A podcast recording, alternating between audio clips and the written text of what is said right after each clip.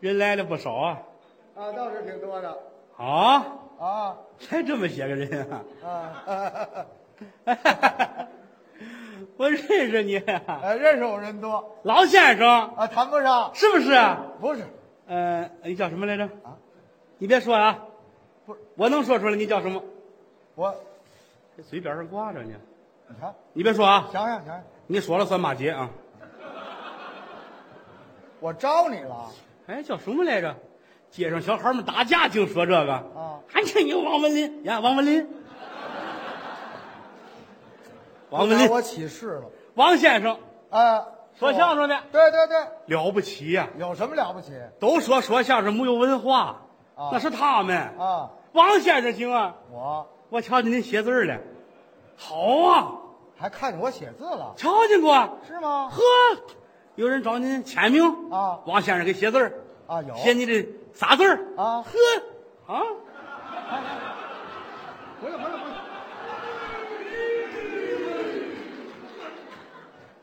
不是怎么写这么长啊？你就写错呀啊， 写错就划了，重来。好，好人，我好，能耐大，人性也好啊，呃，人性不错，了不得呀， 有什么了不得？公瑾谦和呀嘿，人物你是我什么人物待人接物客气，啊？没有这些个优点，你跟那个兔子赛跑，你赢不了。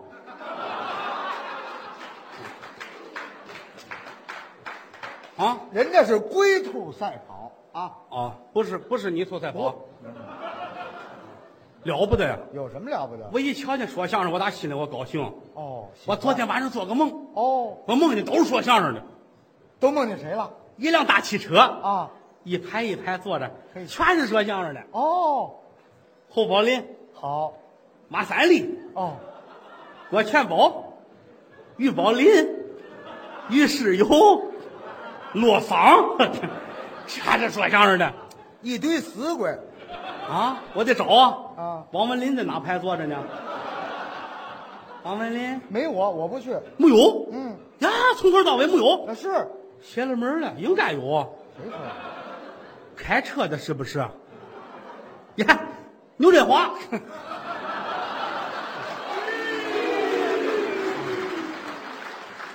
没找着。非追尾不可，啊，整个车上没有王文没林。没我呀这时候就听牛振华说话了，啊！不知道车坏了吗？王文林，快点推！我在后头推呢，在车底下呢啊！喜欢相声啊，喜欢好找着这么个地方高兴啊！啊，是我以后我天天来，来吧，我上这儿听相声来。嗯，我不回去了，我你怎么不回去了？我也回不去了，怎么我不回去了。不？怎么上上这我儿我在家我惹了点祸，我回不去了，捅娄子了？我不能说，我惹祸了你说说啊，说说，帮你解决解决，要了我的命了。哎怎么回事儿这话说来就长了。啊到你们北京来啊，啊你们讲究什么市长啊、部长啊、省长啊、局长啊，啊在俺们那个地方最大的官儿，啊！村长。那是我把村长得罪了，哟，怎么我得回罪了哦不？去了。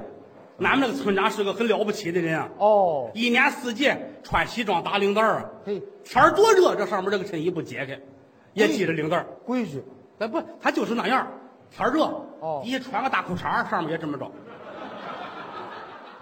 不是这什么毛病啊？我总纳闷儿，他怎啊么回事儿呢？就是他为什么不解开呢？啊那天晚上，啊我们这个村子里边这几个负责人啊坐在一块儿啊啊商量下半年的工作啊，来来来来，砰啊，合着打麻将呢？忙着呢，哦，我也忙着呢，你我给倒个水儿啊什么的，换个痰盂儿捂的，伺候牌局？就瞧见咱们村长这汗呐哗哗的流啊，哎呦，我心说你解开他怕什么去了？就是村长，天热了啊解开吧。哎呀，奶奶你好呀！怎么了惹了祸了。那我才知道他为什么不解呀、为什么？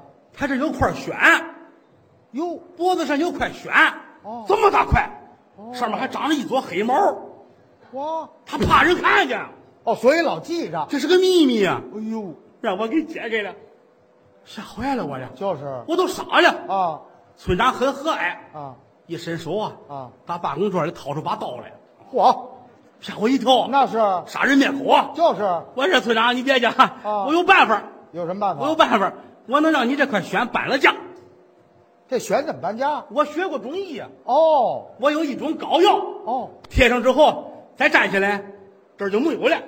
没了，可是这个你得挪到别处去，必须挪到别处才行，哦，等于给他转移了，能搬家呀、还这行来试试吧。啊贴好了，啊给粘到胳膊上，啊，哎没了，还还真行这儿没有了，粘胳膊上了。啊？过两天坏了，怎么天儿一热穿半袖的，啊？这儿露出来了，哟，搬家，搁腿上，哎，这也行搁腿上了。行又过几天，他们出去踢球去，啊腿上又露出来了，哟怎么办呢？啊，解下来啊，搁屁股上，嘿，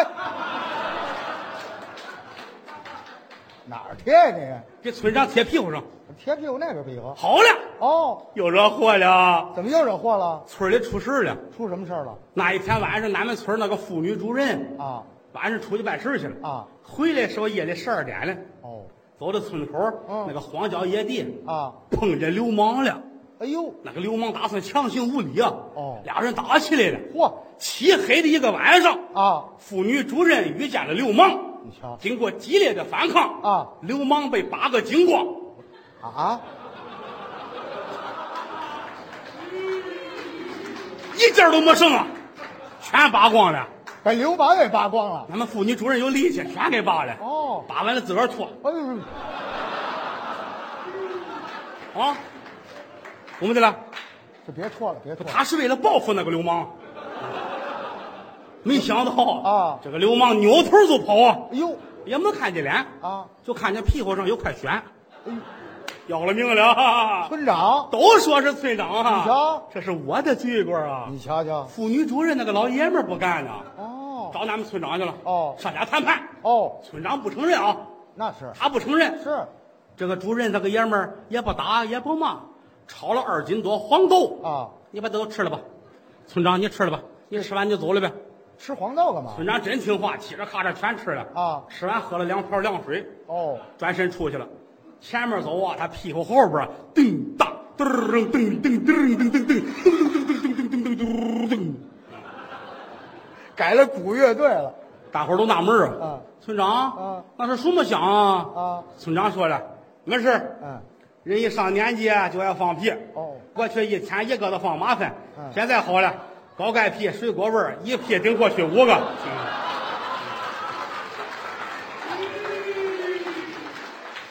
哎，我可快吓死了那，是怎么办呢 啊？这个祸是我惹的。对，回家之后我跟我那个媳妇儿商量，啊怎么办呢？跟你媳妇说说我媳妇儿不饶人啊，她哈，我告诉你别惹祸，你惹祸，你怎么说惹你祸？还急得我没法没法的。这媳妇还挺厉害我这个媳妇儿你没见过？没有这个碎嘴子哦一天到晚呲这个牙，哒哒哒哒哒哒哒，不闲着，老说就把我都说烦了。哎呀去年夏天就是啊说的我都烦了。走走走走，哦一天到晚光知道嘚嘚嘚嘚嘚嘚，你呲这个牙你不知道歇会儿。是你出去玩会儿去吧。哎，上海边去玩会儿去。好，找那有杀鱼的地方去玩去。走，嗯赶了百多尾鲨鱼，走俩月啊，回来了啊回来我一瞧啊，啊在海边也没闲着，怎么？牙都晒黑了。嚯，合着老嘚嘚来了这光张嘴了哎啊！你给我出一主意吧！啊我怎么办呢？怎么办他劝我啊你上北京吧，你哥哥不是在北京吗？哦你找你哥哥去吧，让你出来这法不错啊。是我上北京了，啊我找我哥哥来了。对，我来了，我后悔了，怎么？我那个电话号码找不着了，哎呦，那怎么找啊？这假我也不认识了，你看看，怎么办呢？就是急坏了我了啊先住旅馆吧，啊天天没事出来满大街转悠吧。啊，嚯，北京啊可了不起了，是这个大楼怎么这么高啊？高一二三四，正数着呢。啊打那边来个小子，啊你干什么呢？啊，没事儿数楼呢。北京不让数楼，数楼罚钱。哇，多少钱啊？数多少楼了？八层，八十。八当时就罚八十啊，一层十块，给他八十，好他扭头就跑了。啊这个傻小子啊，个缺心眼儿的。人家拿你八十块钱，人家还傻小子，啊，我都数到十七层了，我那也蒙你八我十，发了财了啊！发什么财呀？踏实跑了啊他地上掉点东西，掉，我捡起来一瞧，啊，文化活动中心的票，哦，哎这有点意思啊！啊我出去玩会儿去吧，看看我找吧。啊按着地址找着一瞧，奶奶娘啊，这个楼可是不小啊。是说这里边有吃的，有玩的，有游泳的，有洗澡的，看电影的，演马戏的，说相声，干什么都有。综合娱乐中心，我坐电梯上去啊我从上面往下来，一层一层的玩，对，也行。好不好？好好好上了电梯，仨小时没上去，这楼太高，没电。你六天也上不去哎。呀，还是走着走吧。那是先到一层啊一层是个游泳馆。哎，这个屋里边也能游泳啊！现在室内游泳啊，我把头一看呢，啊那个教练一把就把我揽进去了哟。来，下水游泳。我说你是干什么的啊？俺们都是国家游泳队的。哦，我国家队的啊。那得过金牌吗？金牌没得过，但是俺们从来没淹死过啊。 好，那我来吧，嗯跟你学吧，啊，跟他一块儿下池子游泳，嗯什么这么游着，还反着游的，啊，那是自由泳。好玩儿啊！啊游了一个小时上来了，我说行了啊今天就到这儿吧啊！我实在喝不了了，嗯， 我这个水量是有限的，啊我太太多了，嗯。本来还想去茶馆了，这回不去了。嗯灌饱了哎呀，上二楼瞧瞧吧。啊！二楼是个戏园子啊有个台，坐着好些个人看演出呢。哦，有节目我买了包瓜子儿啊，我坐着吃啊。这瓜子儿皮儿不让扔，那是随便扔我得罚钱呢。那是我扔哪里呢？啊，我前面坐个大姐啊穿着个风衣，风衣后边还戴个帽子，在这儿不？嘿 嘿嘿，啊啊我地上一点都没有啊，是是是，演出开始了。哦，出来个大姐，嗯拿着个话筒，亲爱的观众朋友们，文艺晚饭开始了，文艺晚会什么晚饭？看戏还管饭呢啊！谁说的？看着吧，他说了，啊这个大家来到咱们这儿，咱们这儿很高兴啊希望大家度过一个愉快的白天。呃，大家都知道黄河吧？啊黄河是咱们的母亲河。对我们要爱戴我们的母亲河。是下面请欣赏《长江之歌》。嗯，谁不爱谁？我站起来就走了，是你自个儿都闹不清楚。啊你说了半天黄河，怎么串到长江上去了？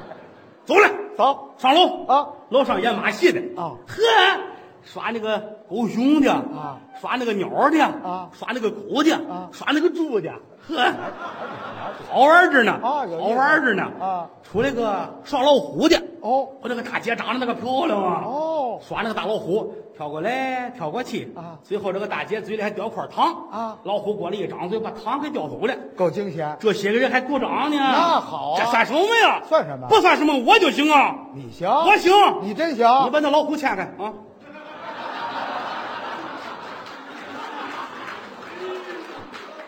我也行，啊！你这个岁数说这就不合适了吧？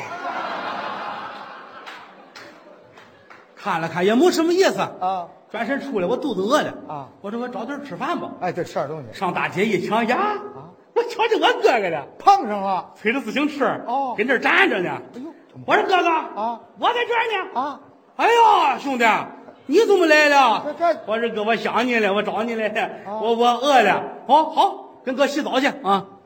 这不挨着，这话说的不像人我，饿了，你得带我吃饭去，就是洗澡去，像话吗？就是问问他怎么回事？啊嗨，你们看见哥哥抖了裤子吗？怎么回事？怎么去了？啊，我遇见坏人了。哦，我骑着这个自行车啊我往家走啊前面有个大胖子，我这个车小二零的小轱辘，哦他是二八的大轱辘，是骑着骑着他一猫腰啊，啊，噔，他出来个虚拱，哦呦，全是顺风啊，啊，奔我就来了，我这个轱辘小蹬起来， 啊啊我去一点儿没糟践啊，可气死我了。满贯，我要报仇！啊是我玩命的蹬，我蹬到他头来，我也一猫腰蹬，放了一屁，拉裤了，哎，使劲儿太大了，这一这一直骑着大梁呢哎呀。走吧，兄弟，跟哥洗澡去吧。这是得洗澡对，对对了啊，这回说话就挨着了。是对对刚才不对呀。是我饿了，洗澡去，不耐着。就是这回行了啊，我饿了，你拉了，这也不像话，这个。洗澡去。洗澡，来到澡堂子一瞧啊啊，伙计挺客气啊二位来来来啊，这儿脱这儿脱，一直我哥哥你院里脱去去，怎么把他轰出去了？他那个味儿跟别人不一样。嗯我一瞧，啊，哪是澡堂子，怎么这到了阴间了，怎么到阴间了？阴曹地府啊是吗？放着一个大锅啊里边开水正煮着人呢。